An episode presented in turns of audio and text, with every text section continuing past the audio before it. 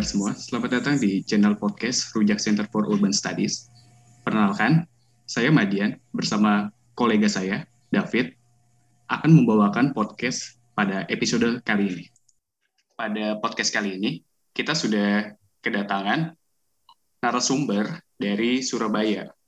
Beliau merupakan seorang pejalan kaki yang memiliki minat atau ketertarikan pada isu kota, di mana di tahun 2016 tepatnya beliau mengerjakan proyek yang berjudul Pertigaan Map, di mana Pertigaan Map ini merupakan upaya beliau untuk memetakan kota yang ada di Surabaya.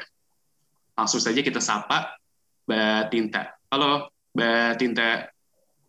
Selamat datang Halo, di podcast. Ya, terima kasih Mbak udah menyempatkan diri nih untuk datang ke podcast kita. Oke. Terima kasih atas introduce dengan baik. Oke, nah jadi sebelumnya Mbak Tinta ini merupakan salah satu bagian dari kolaborator yang mengikuti program Kota dan Pandemi. Di dalam program Kota dan Pandemi, Mbak Tinta sendiri mengerjakan penelitian yang berjudul Balelo Pasar Warga. Nah, sebelum mendalami apa sih Balelo Pasar Warga dan apa aja hasil-hasil dan temuannya ini, mungkin saya sedikit mengulik nih gimana karakteristik pasar yang ada di Surabaya karena Baleo Balelo Pasar Warga ini terkait penelitian Mbak Tinta mengenai pasar terbuka yang ada di Surabaya. Sebagai awalan, saya ingin menanyakan Mbak, gimana sih karakteristik pasar yang ada di Surabaya itu? Sorry, Madian. Iya. Ada yang kurang nih kalau kita belum mengenal siapa sih Mbak Tinta secara personal kayaknya nih. Wah, boleh. Mungkin Mbak Tinta bisa menjelaskan profilnya dulu kali ya. Nah, seperti iya, Oh ya benar. boleh apa? dilakukan. Boleh ya boleh Iya, nambahin boleh lah. Iya. Iya, nambahin lagi. Oh iya, benar. Dan mengapa di Surabaya? Apa sih yang jadi menarik di sana dan mungkin bisa Mbak Tinta ceritakan ya. Oke, langsung Oke. Tinta. Oke Rizky. Eh, nama saya Aita Sylvia. Kalau tadi si Madian panggil Tinta-Tinta itu nama panggilan. Nama panggilan aja. Jadi Iya. eh, saya udah hampir eh, 19 tahun tinggal di Surabaya. Sebelumnya saya tinggal lahir dan besar di Jakarta, kuliah dan kemudian kuliah dan bekerja di Surabaya. Eh, Selama eh, selepas kuliah lulus itu baru bisa ada kesempatan untuk eh, apa ya belajar lagi sebenarnya sama teman-teman C2O. Nah, C2O ini Hmm. jadi kayak eh, titik titik baru, saya titik baru bahwa "Wah, ini kayak kesempatan yang baik banget bisa belajar lagi gitu dengan eh, mata kuliah mata kuliah atau buku-buku yang sebenarnya nggak eh, apa tidak terlalu asing karena saya di FISIP kayak buku antropologi, sosiologi, mungkin juga yang banyak yang baru ada buku arsitektur tapi dengan Hmm. perspektif yang uh, sosial budaya juga jadi itu sangat uh, sangat uh, membantu saya di awal untuk meng- mengenal kota Surabaya lewat buku-buku dan lewat program-program C2O Hmm. singkat cerita sampai sekarang pun jadi masih banyak hal gitu ya yang uh, pengen banget ada kesempatan untuk belajar mengenai Surabaya. Di tahun 2016 tadi seperti Madian bilang kalau saya uh, bekerja dengan seorang desainer grafis namanya Chelsea Tiffany dia tinggal dan bekerja di Shanghai. Uh, untuk uh, melakukan pemetaan di kota tua Surabaya yaitu di Surabaya Utara. Kota tuanya Surabaya tiga tiga distrik di sana. Dan proyek itu uh, masih uh, berlanjut sampai sekarang. Hmm. jadi kami barusan uh, mem- membuat platform baru untuk project kami Iya. dalam format website. Tujak juga Tujak juga bikin ya untuk pandemi Hmm. platform website. Jadi kami juga bikin website di 2020 kemarin saat pandemi juga.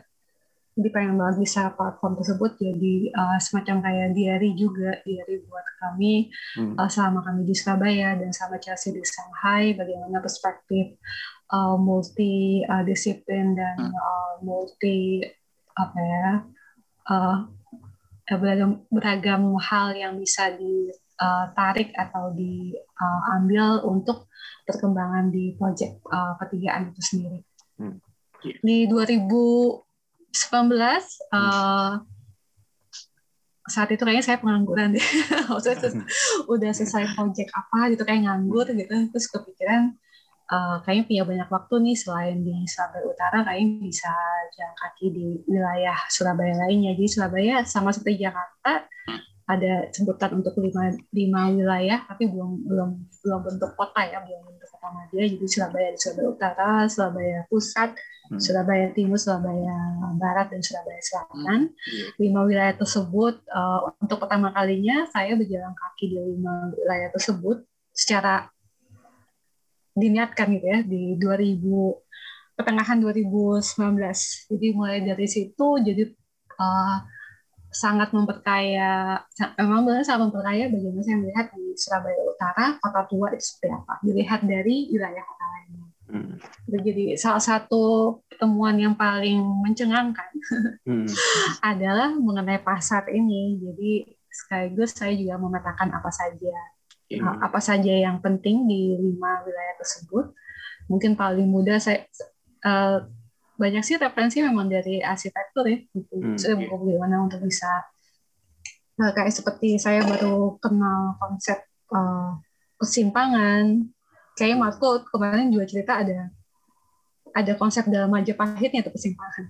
Hmm. Jadi saya mulai dari kesimpangan-kesimpangan yang ada di uh, kota Surabaya, di persimpangan itu ada apa saja bisa ada pasar ada warung kopi dan uh, jadi ruang uh, ruang publik yang signifikan di uh, hmm. di Surabaya jadi uh, oke okay, uh, pertama berarti saya akan mengadakan pasar dan warung kopi jadi kayak sejalan juga karena biasanya warung kopi juga yeah. di, uh, uh, di daerah yang sama nah itu jadi pas uh, pasar saya kaget ternyata um, jumlahnya tuh status lebih hmm. jadi jadi untuk ukuran kota yang lebih kecil daripada Jakarta, itu hmm. jumlah pasarnya itu lebih banyak ketimbang Jakarta. Mungkin skala pasarnya juga berbeda karena di pemetaan uh, skala pasar um, skala pasarnya di level uh, eh, RT atau RW.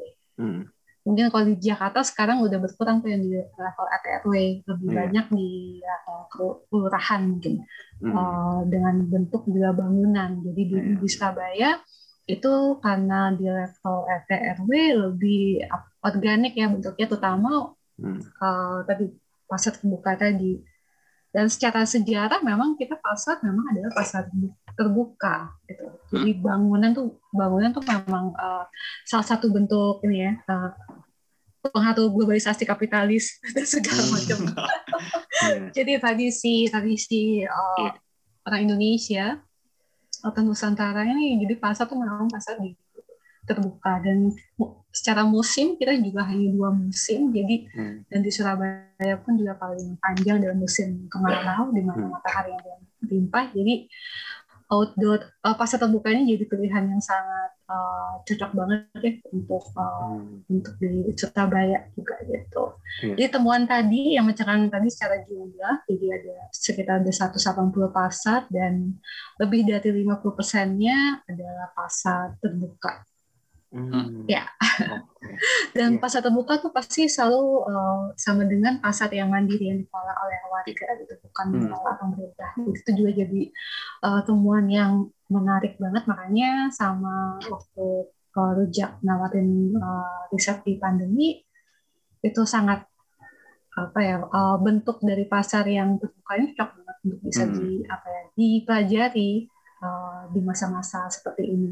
Iya. Dan uh, dan kebetulan banget bisa ketemu partner yang uh, juga bisa uh, membahas secara spasial ya. Hmm. Jadi ketemu SD 301 untuk melakukan riset Balelo Pasar. Hmm. Begitu ceritanya, cerita pendeknya. Oh, Oke. Okay. Iya, siap, Pak. Jadi Madian. iya, jadi menarik namanya? juga ya. Jadi Madian. menarik juga uh, ada beberapa esensi yang kita bisa dapat dan dan kita bisa share juga ke teman-teman ya bagaimana sebenarnya aktivitas menjal berjalan itu juga bisa banyak menemukan hal-hal menarik dan juga penting gitu untuk melihat uh, satu siklus kehidupan kota gitu ya. Kedua, uh, kita mm-hmm. juga pengen banyak nanya nih sekolah seputar uh, apa sih itu nanti SP 301 dan dan uh, bagaimana sih pasaran dikelola oleh warga gitu ya karena mm. memang kehidupan kota saat ini selalu terlembaganisasi ya artinya. Pasar-pasar itu identik dengan satu struktur bangunan bangunan kokoh, tembok dan besar gitu ya. Uh, terutama kalau kita lihat sekarang gitu moda pasar induk dan lain-lain dan dan bagaimana uh, upaya warga itu kemudian mengelola pasar itu seperti apa sih? Nah kita pengen banyak nanya di situ dan juga uh, tentang satu uh, kultur sosial uh, masyarakat uh, di warung kopi mungkin kita juga bisa bahas gitu ya uh, bagaimana di masa pandemi eh, banyak lah yang mau kita bahas. Dan sebelumnya kita saya mau nanya dulu nih Mbak uh, Mbak Tinta ada hal yang menarik dan dan penting mungkin untuk ditanyakan uh, dan juga bisa di-share ke teman-teman. Uh, pemetaan atau mapping ini seperti apa yang yang yang yang yang yang dilakukan dan kemudian uh, apa sih manfaat yang bisa didapat dari proses ini gitu loh. Ini juga mungkin bisa Mbak Tinta ceritakan ya Terus uh, Rizky pertanyaannya tuh panjang banget Iya. Pertanyaannya banyak banget ya. itu bisa jadi pendahuluan, Mbak. pendahuluan gini skripsi. Tapi sebenarnya sebenarnya enggak ini hal apa metode yang kita kerjakan sebenarnya kan hmm. bisa direplikasi di kota lain. Maksudnya hmm. aku pun juga belajar dari, dari Rujak bagaimana kita bisa melihat kota dan kota-kota um, di Indonesia itu uh, memiliki apa uh, kita bisa tadi mereplikasi metode ini di kota-kota lain, terutama misalnya hmm. kota kita kota pelabuhan. Nah, itu akan menjadi uh, apa uh, bisa direplikasi bagaimana kota-kota pesisir di Nusantara juga itu untuk pemetaan. Dan um, kalau metode pemetaan mungkin uh, aku juga belajarnya itu juga apa ya belajarnya juga apa ya secara tidak uh, uh, agak random maksudnya pas baca buku ini hmm. gimana ya kalau antropolog itu melihat kota ya ini bisa nulis ada satu buku tentang Surabaya yang sangat penting hmm. Howard Dick uh, lupa judulnya pokoknya di Surabaya Surabaya di tahun 1900 sampai 2000 Uh, secara dengan perspektif uh, sosial ekonomi dan hmm. itu memang jadi pas baca gila ya bagaimana dia bagaimana dia bisa menjelaskan satu kota dalam satu buku ya. Yeah. itu kan justru itu hal yang menakjubkan sekali gitu dan buku itu udah uh, lebih dari 10 tahun aku baca bolak-balik juga nggak nggak bosan-bosan mm-hmm. selalu yeah. ada hal yang baru banget jadi apa ya terus ada satu uh, kalimat uh, uh, dia bilang bahwa dia memang berjalan kaki di Surabaya untuk mempelajari bagaimana bagaimana kota ini bekerja jadi itu juga jadi apa satu inspirasi pentingku bahwa apa metode jalan kaki ini cara yang uh, cara yang menarik gitu. Dan ternyata aku suka gitu. Dan secara tidak hanya itu jadi pilihan moda transportasi di Surabaya tapi juga jadi metode uh, leisure juga bisa senang metode belajar juga. Hmm. dan sampai sekarang pun juga masih itu jadi aku terapkan. Saya aku juga cari pekerjaan yang uh, yang apa ya yang uh, pasti juga menggunakan uh, mapping atau berjalan hmm. kaki ini sebagai metode risetnya gitu. Jadi ya senang sih gitu dari uh, sampai sekarang pun juga apa masih iya. sangat yeah. masih sangat uh, relevan sekali gitu metode tersebut pemetaan tersebut. Yeah. Tapi memang ini akan jadi uh, akan susah akan di Indonesia bahkan di Jakarta pun jadi akan tidak populer secara metode mungkin ya hmm. berjalan kaki gitu ya uh, aku nggak tahu sih gimana Rizky uh, selama riset di Jakarta Seperti, jadi itu juga uh, pas share ke teman kota-kota lain itu juga mereka juga uh, agak uh, terheran-heran gitu dengan metode yang aku pakai di Surabaya yaitu berjalan kaki gitu. Hmm. Uh, mengingat memang ingat di kota-kota besar di Indonesia, kota-kota di Indonesia kita memang tidak punya transportasi massal dan itu mengakibatkan jalan kaki bukan jadi pilihan uh, keseharian warga. Uh, tadi ya, kayak udah menjawab belum sih bagaimana cara memetakan kayak gitu ya? Terus ki, Madian kira-kira cukup cukup menjawab nggak sih? Cukup cukup menjawab sih metodenya ini. Karena kan memang ya, ya. memang dari tapi uh, tadi penting sih bagaimana jalan kakinya gimana kita mulai jalan kaki jadi aku hmm. kebantu sama referensi tadi buku-buku dasar arsitektur hmm. bagaimana tadi melihat uh, simpul-simpul kota itu jadi paling mudah jadi uh, kamu tinggal lihat mana simpul kotamu gitu. simbol kota tuh jadi uh, titik pertemuan warga uh, aktivitas ekonomi sosial yeah. budaya yang signifikan di sana jadi itu dari situ kita bisa mulai dan uh, pejalan kaki di, di, di wilayah tersebut jadi akan jadi jadi hal uh, yang aku juga terap yang aku juga pakai juga kalau aku berkunjung ke kota lainnya di Indonesia. Hmm. Iya, iya. Hmm. Jadi memang asik sih metode berjalan kaki itu selain juga sehat dari segi kesehatan. Hmm. Jadi kita bisa juga, makan banyak sama minum iya. kopi. Jadi aku biasanya hmm. ngakalin karena aku suka banget minum kopi misalnya ke Aceh, ke Banda Aceh itu warung kopi di mana-mana. Jadi aku yeah. jalan kaki hmm. bisa minum kopi menghilangkan kafeinnya, tapi aku tetap bisa minum kopi dan bisa iya. makan banyak. hmm. Alasannya itu yeah. juga tapi memang iya tapi memang kelebihan dari seorang antropologis itu memang dengan metode etnografisnya itu mereka bisa menuangkan temuan mereka dalam bentuk tulisan lebih naratif ya enggak begitu kaku bahkan seperti iya. bercerita segala oh, macam seperti gitu puitis puitis aduh iya puitis puitis itu eh sorry um, buat Tinta yeah. ini antropol dari antropologi juga ya, Mbak? Aku administrasi negara, saja oh, masuk iya, departemennya tapi... ilmu politik. Jadi aku oh. banyak uh, bisa ngambil mata kuliah sosiologi waktu itu. Oh, tapi aku lihat tulisan tuh kayak Mbak Tita tuh kayak antropolog gitu loh model. Etnograf, etnografis banget sih, Mbak. iya. iya. Tapi memang uh, iya, tapi aku memang, memang mungkin berniat kalau bisa sekolah lagi mungkin aku akan tertarik di iya. apa? Uh, di ilmu-ilmu dasar tadi ya sosiologi antropologi hmm. itu kayaknya yeah. Iya. basic banget ya karena yeah. kalau aku ilmu terapan kan apa administrasi yeah. negara enggak hmm. sangat sekali gitu aku kuliah hmm.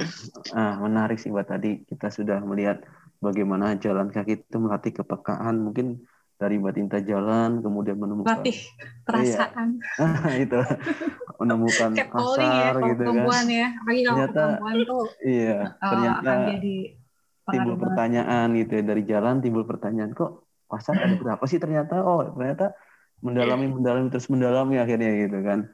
Nah mungkin ini jadi pelajaran untuk kita ya uh, bagaimana melatih perasaan tadi ya. Nah uh, mungkin kita akan lanjut mbak ya uh, tentang uh, tadi ya bagaimana sih sebenarnya uh, yang terjadi hasil lah atau output dari uh, jalan gitu kemudian pemetaan dan yang mbak kita lakukan ini terkait uh, ruang publik uh, pasar gitu ya di Surabaya. Seperti apa? Yang tadi pasar Balelo, iya. Balelo pasar Lade. Iya. Balelo tuh Balelo sendiri tuh bahasa Jawa Timur. Orang Surabaya juga memakai kata itu. Hmm. Karena aku bukan native, jadi agak agak spellnya atau apa tidak, aku juga jarang memakai kata tersebut. Tapi itu kata tersebut kami temukan saat kami interview dengan salah satu pengurus kampung pengurus hmm. kampung dan juga yeah. Mengurus uh, mengurus pasarnya. Jadi uh, dia bercerita bahwa uh, uh, RW pengurus RW ini itu bagaimana dia berinteraksi dengan uh, mengatur para pedagang dan dia hmm. bilang uh, beberapa pedagang tuh memang uh, pastinya perlu usaha yang lebih banyak untuk bisa uh, merasa terikat dengan uh, pengurus RW gitu supaya pasarnya bisa berjalan karena pasti kalau pasar mandiri ini uh, sangat mudah, sangat rentan uh, digusur karena hmm. tadi ya apa uh, pemerintah kota Surabaya sangat uh, tergila-gila dengan kebersihan dan keindahan kota dan lembagalisasi ya itu juga hmm. nah, itu jadi sebenarnya pentingnya uh, pasar mandiri ini bagaimana mereka bisa secara punya kekuasaan gitu ya bagaimana. Yang tadi pentingnya uh, pedagang uh, hubungan pedagang dengan pengurus pasar di mana biasanya RT atau RW ini uh, penting gitu. Terus uh, pengurus RW ini bilang pedagangnya itu balelo balelo tuh uh, apa ya uh, semacam uh, aku agak karena nggak sering makan jadi bingung. Kurang kurang ini nih kurang menjiwai. Jadi ini Balelo tuh kayak apa ya uh, pedagang tuh biasanya ini lokasi pedagangnya di sini tapi Balelo pedagangnya di tempat lain. Jadi hmm. uh, apa ya tidak uh, tidak nurut ya tidak nurut atau uh, apa ya uh, berbeda gitu. Jadi kami pakai konsep Balelo tuh bagaimana inisiatif ketidak uh, turutan warga untuk tetap bisa uh, apa ya bisa menjalankan pasarnya. Karena ya pasar yang kami lakukan riset itu tentang uh, relokasi dan penggusuran. Jadi uh, dan kami lihat sendiri ketemu pemutus ketemu pedagang mereka sangat ingin sekali tetap pasarnya uh, tetap berjalan di lokasi itu dan dan format yang sama itu terbuka uh, pasar terbuka uh, karena itu memang paling cocok untuk uh, warga Surabaya itu pasar terbuka jadi itu sih mbak mbak Lelo tadi ya apa ya pembangkangan ya sih pembangkangan. Jadi kan kalau ngambil. sederhananya susah nih orang dibilangin ya. Iya, gitu. Kita ngeyel, ngeyel, ya, Hmm, ngeyel, ngeyel. Tapi maksudku uh, kita punya ngeyelnya, kita punya Hmm. alasan-alasan yang signifikan dan itu harusnya kita sebagai tadi apa uh, posisi aku sama SB kan kita Hmm. sebagai uh, outsider yang uh, harusnya bisa mendukung uh, apa fenomena tersebut gitu. Uh, itu juga pengennya pengennya bisa itu sih karena uh, pasar-pasar mandiri ini yang rentannya juga belum uh, memiliki mungkin jaringan ya, jaringan masyarakat uh, miskin perkotaan. Nah itu penting. Mungkin untuk saya itu penting banget karena mereka punya tentang uh, penggusuran. Jadi aku berharap bisa juga di masa depan mereka pun juga punya apa ya punya kekuatan yang signifikan jaringan atau riset-riset karena uh, kami baru semacam riset awal kan uh, Hmm. dan hanya jangka waktu terbatas juga saat kami Iya. riset jadi uh, pengen banget di masa karena pas kami share ini ke uh, kampus penawan Basudolo ya dosen dosen kami. Juga memang ba- belum banyak uh, riset yang uh, pasar terbuka banyak kan lebih Hmm. riset-riset yang bangunan pemerintah gitu. jadi itu juga uh, uh, pengen banget di masa depan ada kesempatan uh, riset riset uh, pasar terbuka juga. Karena uh, kita nggak pengen ini uh, kehilangan kehilangan pasar terbuka ini. Seperti di Jakarta udah udah Hmm. hampir nggak ada kan pasar terbuka atau pasar mandiri. Itu sudah di di bawah pemerintah semua Um, jadi pengennya harapannya kayak gitu udah harapan ya Iya. udah langsung harapan Hmm. jadi tapi senang maksudnya ada kesempatan kesempatan untuk mulai riset ini uh, uh, dengan tujak sebagai apa sebagai platformnya jadi senang sih ada kesempatan Oke oke, sip menarik. Sebenarnya dari kata singkat Mbak Lelo yang saya sederhanakan sebagai ini orang masih aja dagang di sini kayak susah atau ngelunjak kalau dibilangin.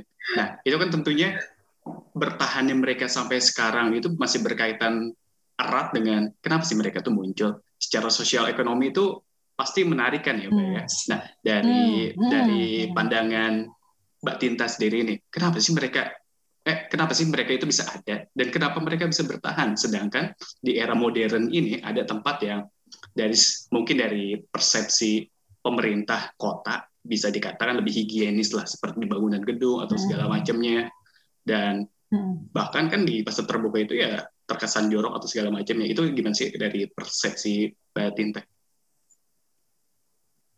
Um, kemarin tuh juga uh, banyak observasi dan tanya ke pedagangnya sendiri dan ke pengurus memang format pasar uh, pasar terbuka ini yang paling banyak di uh, level RT RW ini jadi tradisi juga jadi sebelum ada pasar yang dalam bentuk uh, dalam format bangunan mereka sudah ada jadi secara Hmm. tradisi atau sejarah mereka ada lebih dulu ada lebih dulu daripada bangunan pasar tersebut gitu. dan Hmm. em, tadi secara eh, tradisi dan juga ik- didukung sama iklim gitu karena tinggal di apa eh, di bawah pohon dengan shades kita cari shades itu sudah aman dari eh, dari eh, hujan atau yang atau panas yang berlebihan dan satu hal yang menarik dari pembeli itu mereka tuh suka banget sama format pasar terbuka karena interaksinya jauh lebih dalam.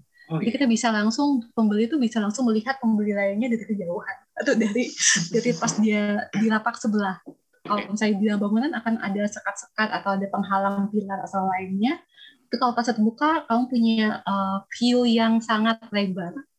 Jadi kamu bisa menyapa tetanggamu dari kejauhan tahu gitu. Dan interaksi itu lebih sangat uh, cair bisa bisa apa ya, itu pembeli tuh suka uh, warga tuh suka banget saya pas aku tanya bagaimana kesannya terhadap pasar yang dia kunjungi tiap hari ini gitu. Dan ini ada satu hal yang walking distance dari rumahnya. Kan tadi level RT RW ya. Jadi walking distance itu sangat penting di uh, perkotaan dan juga uh, perekonomian level ekonomi lokal karena pedagangnya juga pedagang setengah-setengah mungkin pedagang dari warga setempat juga. Uh, jadi juga ekonomi tingkat RT RW-nya itu signifikan jadi. Hmm. Uh, dan itu yang akan bertahan di masa iya. pandemi ini banyak PHK segala macam. Paling mudah kamu adalah bekerja adalah berdagang. Mungkin aku tapi sebenarnya berdagang juga susah ya. Cuma maksudnya um, jadi solusi uh, pilihan yang uh, menarik gitu. Karena memang terjadi peningkatan uh, jumlah pedagang saat pandemi hmm. di pasar terbuka karena yeah. kemudahan dari kamu kemudian kamu nggak perlu izin segala macam yeah, benar, atau memang pengurus RT RW yang mendukung warganya yang uh, mungkin tadi PHK apa untuk berdagang di pasar. Jadi iya. hal-hal yang sangat humanis tersebut tuh ada di ada sekali di pasar terbuka itu aku pasti langsung sangat terkesan gitu. Detil-detil bagi romantis ya, sebenarnya romantis, juga humanis dan ekonominya tuh signifikan secara level langsung ya, langsung yeah. ke level hmm ke unit manusia, unit keluarga, unit RT gitu. Uh, dan jumlahnya tuh uh, apa pas kata bukan memang cocok gitu. Kali walking distance di tiap kampung. Kalau Surabaya kita modelnya kampung. Kan berbeda sama Jakarta. Hmm? uh, apa kampung-kampung uh, ini uh, itu bisa mandiri mereka. Ada ada pasar mereka sendiri ada sekolah ada sekolah, ada puskesmas segala macam dan tuh uh, walking distance itu jadi satu ideal kota-kota ideal di dunia. 15 menit jalan kaki sudah kerja ke pasar. Yeah. Jadi ya kayak gitu sih. Jadi uh, uh, apa ya banyak hal yang sangat uh, positif uh, dan hmm. penting dan tuh jadi dan itu sudah uh, berlangsung puluhan tahun ternyata. Usianya lebih tua ketimbang bangunan pasar. Hmm, dan iya. Uh, dan memang secara tradisi, secara sejarah apa uh, pasar-pasar di Jawa memang uh, pasar terbuka gitu, di bawah pohon, di, di simpul-simpul kota, di lapangan, hmm. di ruang-ruang terbuka, dan jadi titik uh, titik uh, pertukaran informasi banget, ada titik hiburan juga. Jadi banyak di pasar terbuka itu bisa kamu bisa ada entertain yang uh, bisa diakses juga oleh warga. Kalau sekarang mungkin entertainnya lebih uh, pengamen kali ya kalau di, di pasar terbuka tapi cukup entertain pun juga itu kalau pengalaman kami ke pasar terbuka itu itu kayak seperti panggung kali ya pasar terbuka ini kayak, kayak, kayak nonton film deh hmm.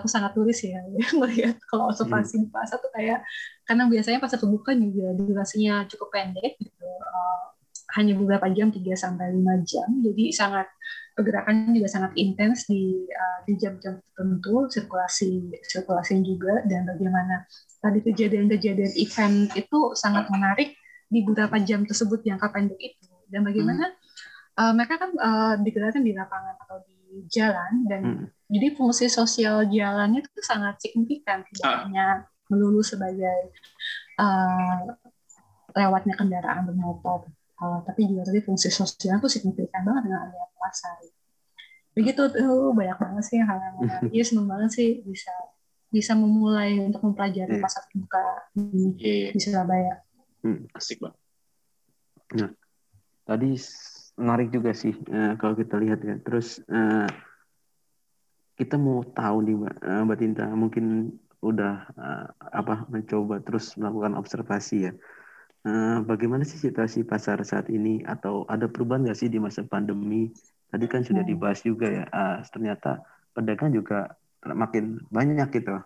Apakah ini ada dampak tersendiri dari uh, situasi ekonomi formal yang mungkin uh, menja apa menda mem mendapatkan dampak kemudian itu beralih ke uh, sektor pasar kemudian gitu ya. Uh, ini juga kita masih uh, perlu dalam ya, tapi uh, Iya pastinya ya kayak aku kami belum riset sejauh itu. Jadi hmm. pastinya saya beberapa tadi beberapa pedagang yang baru di masa pandemi juga memang ada di pasar yeah. terbuka. Hmm. Pengurus juga mendorong mendorong hmm. warganya, memantau warganya yang. Tapi ini nggak sih Mbak Tinta, uh, kalau boleh tahu, ada lagi nggak sih uh, yang ingin memulai usaha hmm. di pasar juga? Iya, ada nggak sih eh, fakta-fakta menarik lainnya gitu yang Mbak Tita temukan selama observasi di masa pandemi di pasar gitu.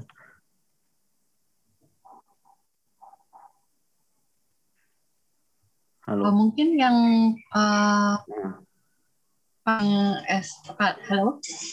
Ya. Uh, ada satu uh, subjek subjek pasar yang kami teliti pasar tembok. Hmm. Uh, mereka secara apa secara kelembagaan mereka juga bekerja sama dengan koperasi. Hmm, okay. Jadi uh, maka bikin maksudnya untuk uh, bagaimana pedagang-pedagang ini tadi kita informalnya tidak punya badan usaha gitu yeah. tidak di bawah pemerintah atau tidak di perusahaan swasta itu jadi mereka bekerja sama dengan koperasi supaya pedagang ini punya semacam legalitas jadi kalau kita uh, kalau digusur nanti atau ada masalah apa mereka koperasi akan maju dengan badan hukum yeah, itu juga salah satu apa ya salah satu strategi yang uh, menarik karena juga terjadi di kampung akuarium ya dengan koperasi juga gitu. jadi aku senang sih dengan uh, uh, apa ya dengan pemikiran-pemikiran warga gitu bagaimana mereka bisa uh, untuk menghadapi masa depan yang tidak jelas itu mm. menghadapi penggusuran pemerintah jadi mereka uh, tadi bekerja sama dengan koperasi dan tuh bisa sekali di direplikasi oleh pasar-pasar yang tanpa lainnya gitu uh, apa uh, memikirkan bagaimana uh, legalitas ya legalitas mereka mm. untuk bisa atau paguyuban. Saya biasanya mereka tidak mereka uh, pasar terbuka ini pedagangnya uh, saling mengenal bahkan secara uh, sosial mereka dengan mudahnya saling meminjamkan modal uang hmm. gitu. Hmm. Uh, uh, tapi tadi tidak apa tidak belum ada semacam koperasi gitu yang seperti di pasar tembok itu. Jadi itu juga jadi model yang uh, bisa kita pelajari juga bagaimana uh, tapi kooperasi yang di Tembok Tuku baru berjalan berapa bulan. Jadi perlu juga untuk bagaimana uh, ini ya apa uh, progresnya, gitu. progresnya bagaimana kooperasi ini jadi ambil bagian dalam pasar. Tapi jadi tadi karena kita percaya dengan kooperasi ya, jadi akan jadi model yang uh, menarik gitu untuk iya benar dibagikan ke pasar-pasar terbuka, pasar-pasar mandiri lainnya di Surabaya. Biar mereka memiliki posisi tawar lah ya di mata pemerintah juga. Iya, iya, iya, iya. Jadi, okay. jadi kampung akuarium perlu banget nih. Jadi kalau misalnya nanti uh, ada buku-buku atau uh, apa ya, uh, kayak modul semacam how to modul ya yeah, gitu. Iya modul. uh, iya, setuju banget. Mm tapi kalau menurut Mbak Tinta nih melihat bahwa dampaknya nih ya, Mbak, tadi kan Mbak Tinta bilang kalau di masa pandemi ini justru secara pengalaman Mbak Tinta itu ada ada peningkatan lah ya orang yang usaha di pasar terbuka ini. Nah, kemudian melihat tentunya melihat dari dampaknya secara ekonomi itu tentunya sangat positif ya buat masyarakat bahkan di tingkat lokal atau RT RW ya. Nah, kemudian dari sisi pemerintah tersendiri ini melihat tentunya kan pasar terbuka ini sebagai suatu sentra yang informal lah ya, yang dari segi hukum, dari segi apa pun itu yang tidak terlembagakan atau tidak difasilitasi bahkan. Nah, kemudian apa melihat fenomena peningkatan pedagang di pasar terbuka dan dampaknya terhadap ekonomi masyarakat lokal itu ada gak sih ada nggak sih atau keinginan pemerintah gitu yang mbak yang mbak Tinta dapat uh, buat, ya, buat di, perubahan pasar ke depan? Uh. Di riset kemarin kami uh, tidak melakukan konfirmasi ke pemerintah karena karena memang kemudian iya. waktunya buat warga ya, jadi memang karena waktu terbatas jadi kami milih iya, untuk banyak banyak riset dengan warga dari warga. Um, dari aku bertanya ke warga bagaimana hubungan mereka dengan pemerintah mengenai pasar tersebut dan mereka sama sekali pemerintah sama sekali tidak peduli sejujurnya tidak peduli hmm. jadi bahkan mengurangi jam mengurangi jam operasional pasar hmm. sangat membatasi dengan alasan menimbulkan keramaian hmm. tapi kalau mall dibuka tetap gitu ya jadi jadi mereka malah dikurangi padahal tahu bagaimana penting posisi pasar yang informal ini gitu uh, langsung berdampak ke apa ya langsung eh, langsung ke perekonomian warga gitu. tidak apa uh, tidak melihat positifnya sama sekali. Jadi melihatnya hanya itu sebagai kerumunan jadi perlu ditutup atau dikurangi jam operasionalnya. Jadi sebel banget kan? Jadi Iya itu sih. jadi Ah. jadi itu sebel banget makanya. Ya, tambah bete. Responnya kan lebih nggak ada itu nggak ada. Tetap mah malah melihat Iya. tadi gitu. Malah dikurangi jam operasionalnya. Oh iya jadi makin makin rentan makin rentan sekali posisinya pas terbuka di masa pandemi. Hmm. padahal tadi itu sangat oh, positif sekali. Iya. Terus sekali diberi terus sekali diberi penghargaan maksudnya mungkin itu oh, diberi penghargaan gitu sangat sangat sangat apa ya perekonomian sangat level level dasar ya level warga itu yang kerasa banget itu impactnya ke mereka gitu jadi senang banget sih lihatnya gitu dengan kehadiran pasar ini Oh iya, dari tadi ngomongin jam operasional nih, Mbak. Mungkin dari pendengar ada yang belum tahu jam operasional pasar di Surabaya Hmm. itu gimana. Hmm. Nah, Mhm. sebelum sama sesudah pandemi itu gimana sih Pak jam operasional pasar di Surabaya itu? Mungkin lebih Ini, menegaskan um, lagi sih. Iya. sebelum pandemi pun eh, pasar-pasar yang mandiri ini yang banyak digelar di jalan eh, itu memang di- sudah dikurangi eh, jamnya. Jadi sebelum pandemi pun jadi Oh, iya. sebelum pandemi itu eh, mereka eh, bisa operasional jam 5 pagi sampai jam eh, 9 atau jam 10 aku lupa. Dan selama pandemi atau bahkan sebelum pandemi kayaknya di awal eh, di awal 2020 atau di akhir 2019 itu Satpol PP atau pemerintah lewat ke kecamatan eh, bilang bahwa sampai jam 8. Terus ku- pasar pasar level apa ya level warga itu jam 8 tuh pagi banget ya maksudnya termasuk Hmm. termasuk cepat sekali gitu kalau harus tutup gitu kecuali kamu pasar-pasar yang mungkin semacam pasar-pasar eh, induk atau pelelangan sayur atau ikan yang memang Hmm. datang eh, datang di jam-jam tertentu jadi itu juga em, bahkan sebelum pandemi pun pemerintah memang sudah sangat berniat sekali untuk menghilangkan pasar-pasar tersebut gitu, dengan pengurangan jam operasional yang tidak masuk akal. Jam 8 pagi itu pagi banget ya, Iya, pagi banget, pagi itu banget. tuh nggak nggak nggak masuk akal gitu. Jadi itu secara apa ya, secara aktivitas warga, jam 8 pagi kamu masih bisa harusnya bisa masih bisa ke pasar pasar Hmm. pagi gitu. Tapi juga pasar pagi gitu di level Iya. warga. Jadi itu yang tidak sangat tidak masuk akal sampai sekarang gitu. Aku mikir nggak masuk akal sekali. Terus eh, pasar satu satu subjek lain eh, pasar kami adalah pasar tembok ini termasuk pasar yang eh, pasar yang eh, besar, gitu. pasar yang untuk kulaan, pasar sayur, grosiran. Jadi mereka operasionalnya itu lewat jam 12 malam sampai Hmm. matahari terbit. Nah, jadi em, pemerintah mengurangi jam operasionalnya dari jam 3 pagi sampai jam 6 pagi. Hmm, bener-bener mangkas Tiga- banget sih itu. tiga Iya, jam, tiga jam saja jalan, tiga jam aja. jalannya ditutup untuk aktivitas pasar. Hmm. Itu dapat uh, resmi uh, dari uh, kecamatan. Tapi pas aku tanya ada suatu resmi yang. Jadi, jadi suatu, suatu resmi ini sayangnya tidak terarsipkan uh, dengan baik gitu ya. Uh, soalnya uh, karena uh, menurutku kita penting untuk bisa tahu bagaimana uh, intervensi pemerintah atau bagaimana uh, kebijakan-kebijakan pemerintah atas kegiatan-kegiatan yang tidak tidak terpetakan ini yang tidak bisa mereka kendalikan. Iya. gitu. Jadi uh, tadi ya pengurangan uh, kalau biasanya kalau pasar-pasar yang untuk yang grosiran memang sebelum di atas jam 12 malam dan sebelum jam Iya. uh, 6 pagi. Tuh, tadi yang kalau itu pas uh, yang nggak masuk akal nih pasar yang tingkat RT RW ini loh. Jam 8 pagi itu nggak masuk nggak masuk akal. Jadi jam 8 pagi benar-benar satpol pp datang gitu.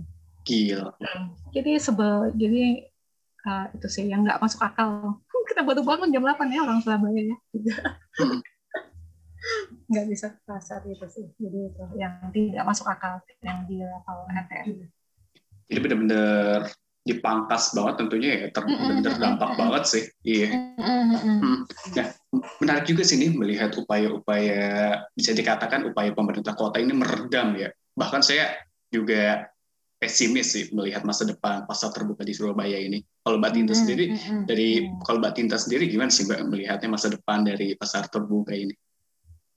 Uh, karena uh, pemerintah pasti uh, pemerintah kota Surabaya di era Risma itu rajin banget bikin pasar yang baru di bawah dinas koperasi kalau nggak salah dinas koperasi dan UMKM.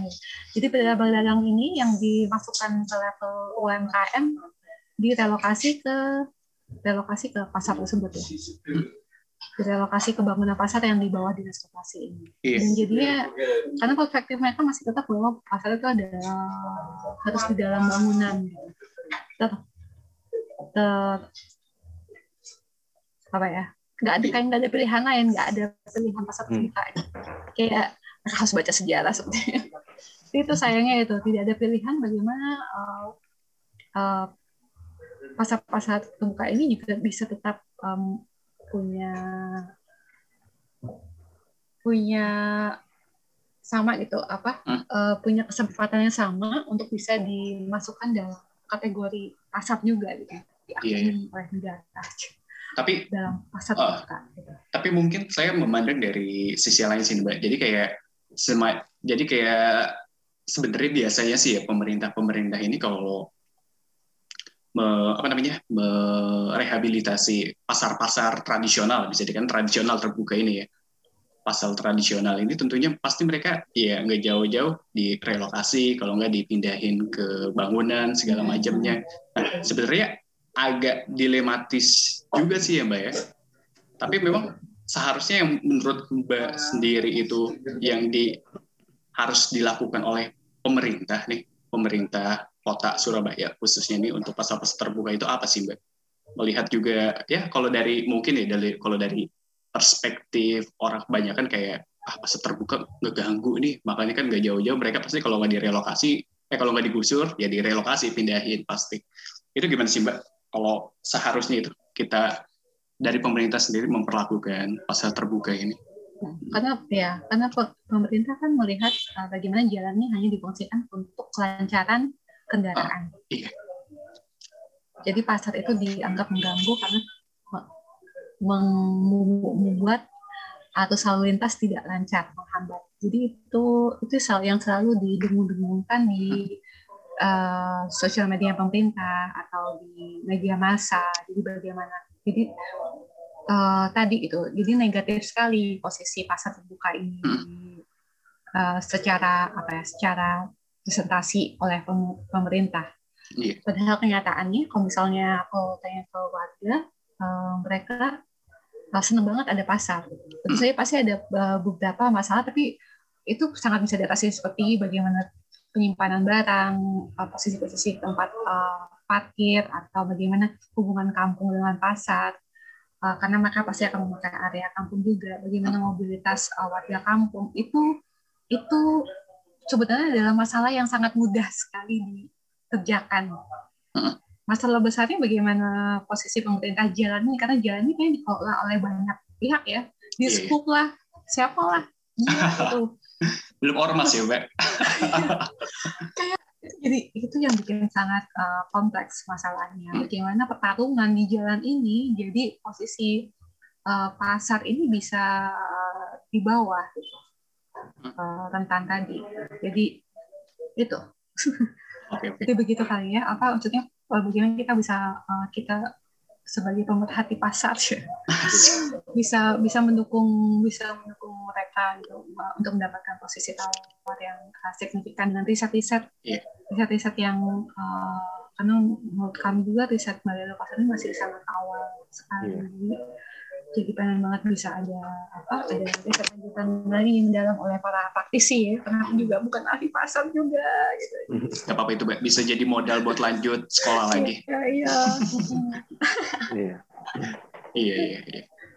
Tadi Ya gua tapi memang gini sih, eh, aku melihat ya, eh, nambahin sedikit ya, mungkin saling berbagi juga ya bahwa eh, pasar-pasar di Jakarta ya dikelola oleh pemerintah itu melihat pasar tuh selalu selalu dilihat dari struktur bangunan tinggi besar gitu ya. Mm-mm. Nah, Mm-mm. Itu juga menyimpan dilema tersendiri gitu. Artinya eh, banyak banget kios-kios di lantai-lantai atas itu yang nggak kepake malah nggak kepake sewanya mahal gitu dan akhirnya terbengkalai gitu aja gitu dan dan dan apa ya pada dasarnya rame hanya di bawah aja kemudian gitu karena mungkin orang juga malas naik tangga udah empat lantai naik tangga lah gitu kan dan Iya. agak rumit juga gitu dan dan pasar open air atau pasar terbuka ini jadi salah satu eh, memberi tawaran daya tawar tersendiri ya di level interaksi sehari-hari masyarakat ya karena uh, artinya harga sewa yang mood iya harga Iya. harga, Kayak sewa gitu. yang harian Hmm. itu yang Iya. bikin berbeda sekali sama harga sewa di Betul. bangunan ya karena bahwa Betul. harga sewa bangunan kayak minimal tahunan ya. Iya. Dan jadi kalau di pasar terbuka tuh gitu. bayar karcis harian Oh, gitu. sangat-sangat terjangkau buat Iya. eh, pedagang Iya. Nah, artinya eh, penataan eh, yang dilakukan oleh eh, artinya bagaimana menstrukturkan orang-orang yang di pasar ini dengan pola kelembagaan seperti PD Pasar Jaya di Jakarta itu juga tidak diimbangi dengan apa ya eh, melihat perkembangan yang ada tuh seperti apa gitu. Artinya sejarah. akhirnya nah, Sejarah akhirnya terkatung-katung Iya. gitu aja gitu loh. Jadi iya.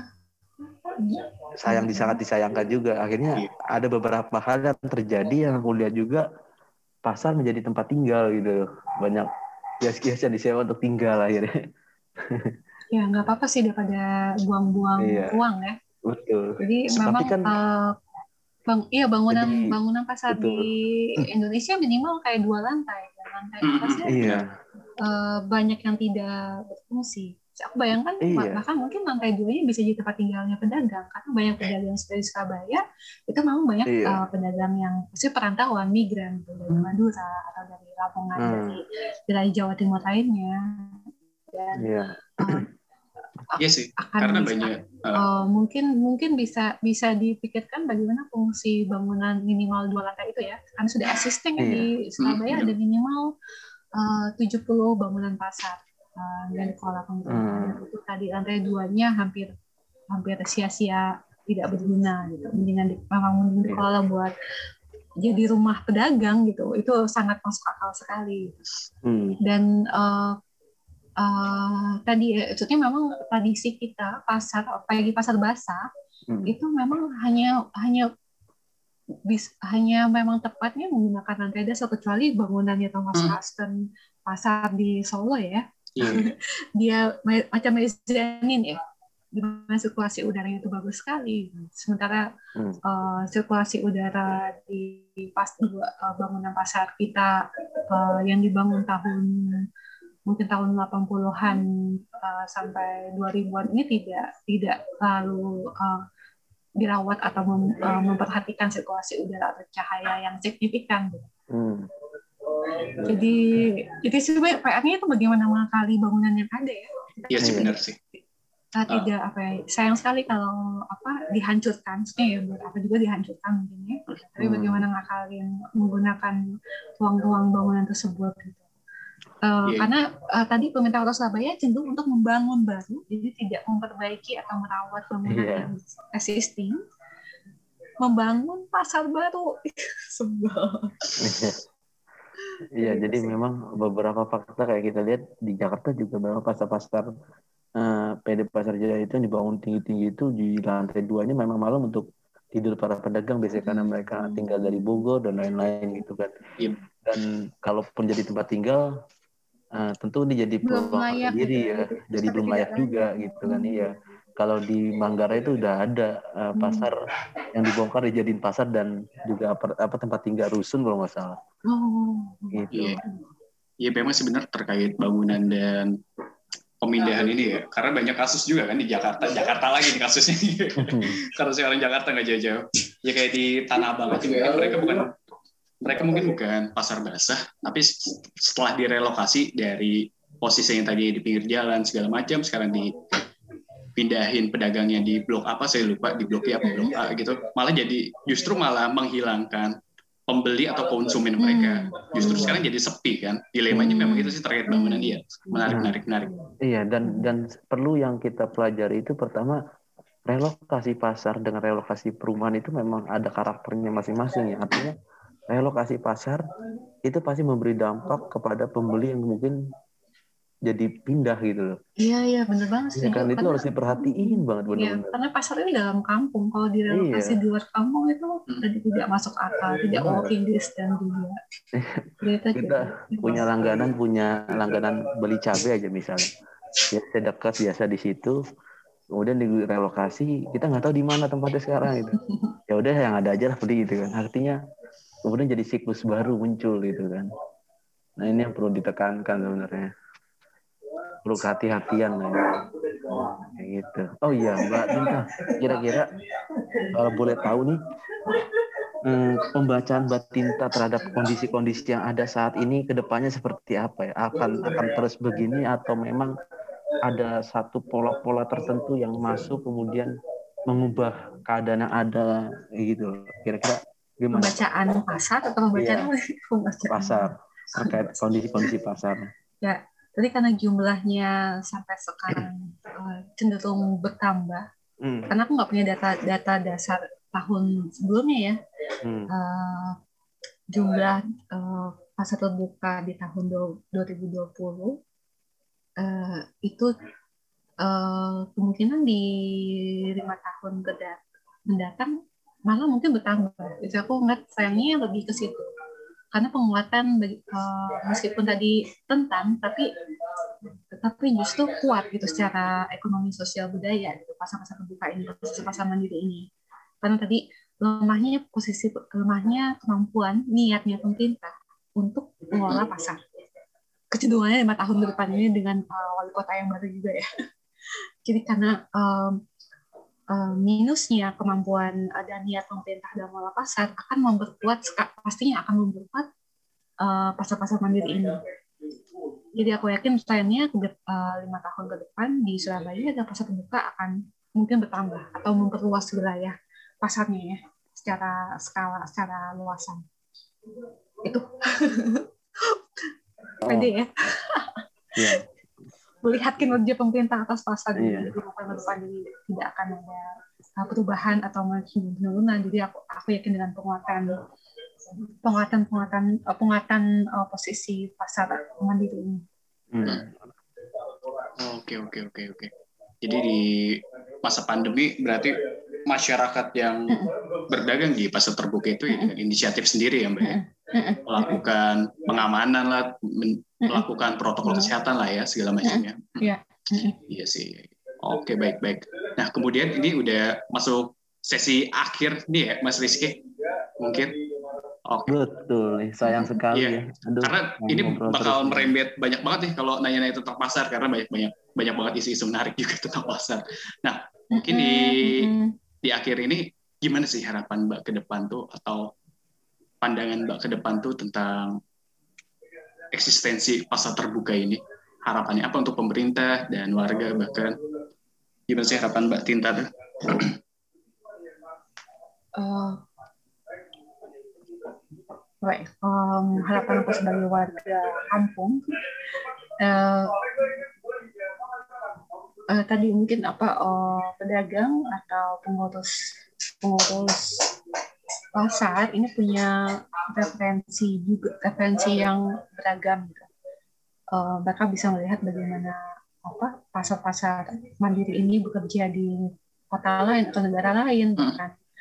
Uh, jadi akan mereka akan percaya diri untuk terus terus menjalankan pasar tersebut gitu karena uh, apa uh, mereka mereka cenderung untuk uh, cenderung untuk melihat posisi mereka tadi uh, makin lemah gitu dengan tekanan uh, pemerintah kota Surabaya. Jadi aku harapannya semoga makin banyak uh, pihak lain gitu seperti, hmm. seperti kita atau seperti akademisi lainnya atau lainnya bisa bisa mendukung mendukung mereka gitu, maksudnya mempromosikan bahwa pentingnya posisi, posisi pasar mandiri ini di uh, di kota Surabaya untuk di kampung untuk kehidupan uh, kehidupan karena um, apa ya media pun juga cenderung untuk tidak uh, tidak memfasilitasi hmm. atau mempromosikan pasar mandiri pasar mandiri ini gitu uh, dan uh, jadi medium dan pasar ini kan juga seharusnya jadi medium belajarnya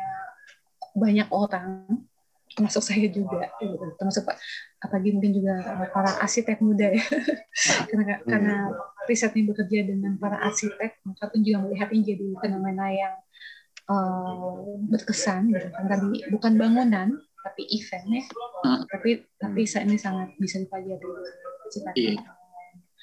uh, akan jadi apa tempat belajar tempat belajar yang sangat penting di kota Surabaya aku berharap sekali bisa jadi uh, ide ide ruang belajar ini jadi uh, jadi pilihan pilihan yang menarik di lima tahun ke apa di tahun tahun-tahun berikutnya. Tapi aku bingung mau caranya gimana ya. promosikan promosikan pasar sebagai medium belajar kan juga uh, berharap berharap nggak ya. tahu. Yeah. Iya iya. Jadi karena tadi layarnya banyak ya sejarah, hmm. arsitektur, aduh, dia aduh banyak banget yang bisa dipelajari di pasar ini gitu. Jadi uh, sementara uh, kecenderungan uh, kayak saya teman-teman arsitektur tidak melihatnya sebagai uh, sites yang penting untuk dipelajari gitu. Karena tadi bukan bentuk bangunan ya, dan uh, ini adalah event gitu. Jadi itu sih jadi uh, harapan harapanku harapanku. semoga semoga banyak uh, teman-teman Surabaya juga benar untuk mempelajari pasar terbuka ini. Iya, yeah. semoga ke depannya pasar terbuka bisa terus lestari ya, karena ini bagian hmm, dari ya, tradisi. Sejarah. Iya, yeah. betul. Tradisi. Uh, sip, sebelumnya terima kasih banyak Mbak Tinta sudah meluangkan waktunya untuk hadir di podcast kami. Sekian episode podcast pada kali ini. Bye.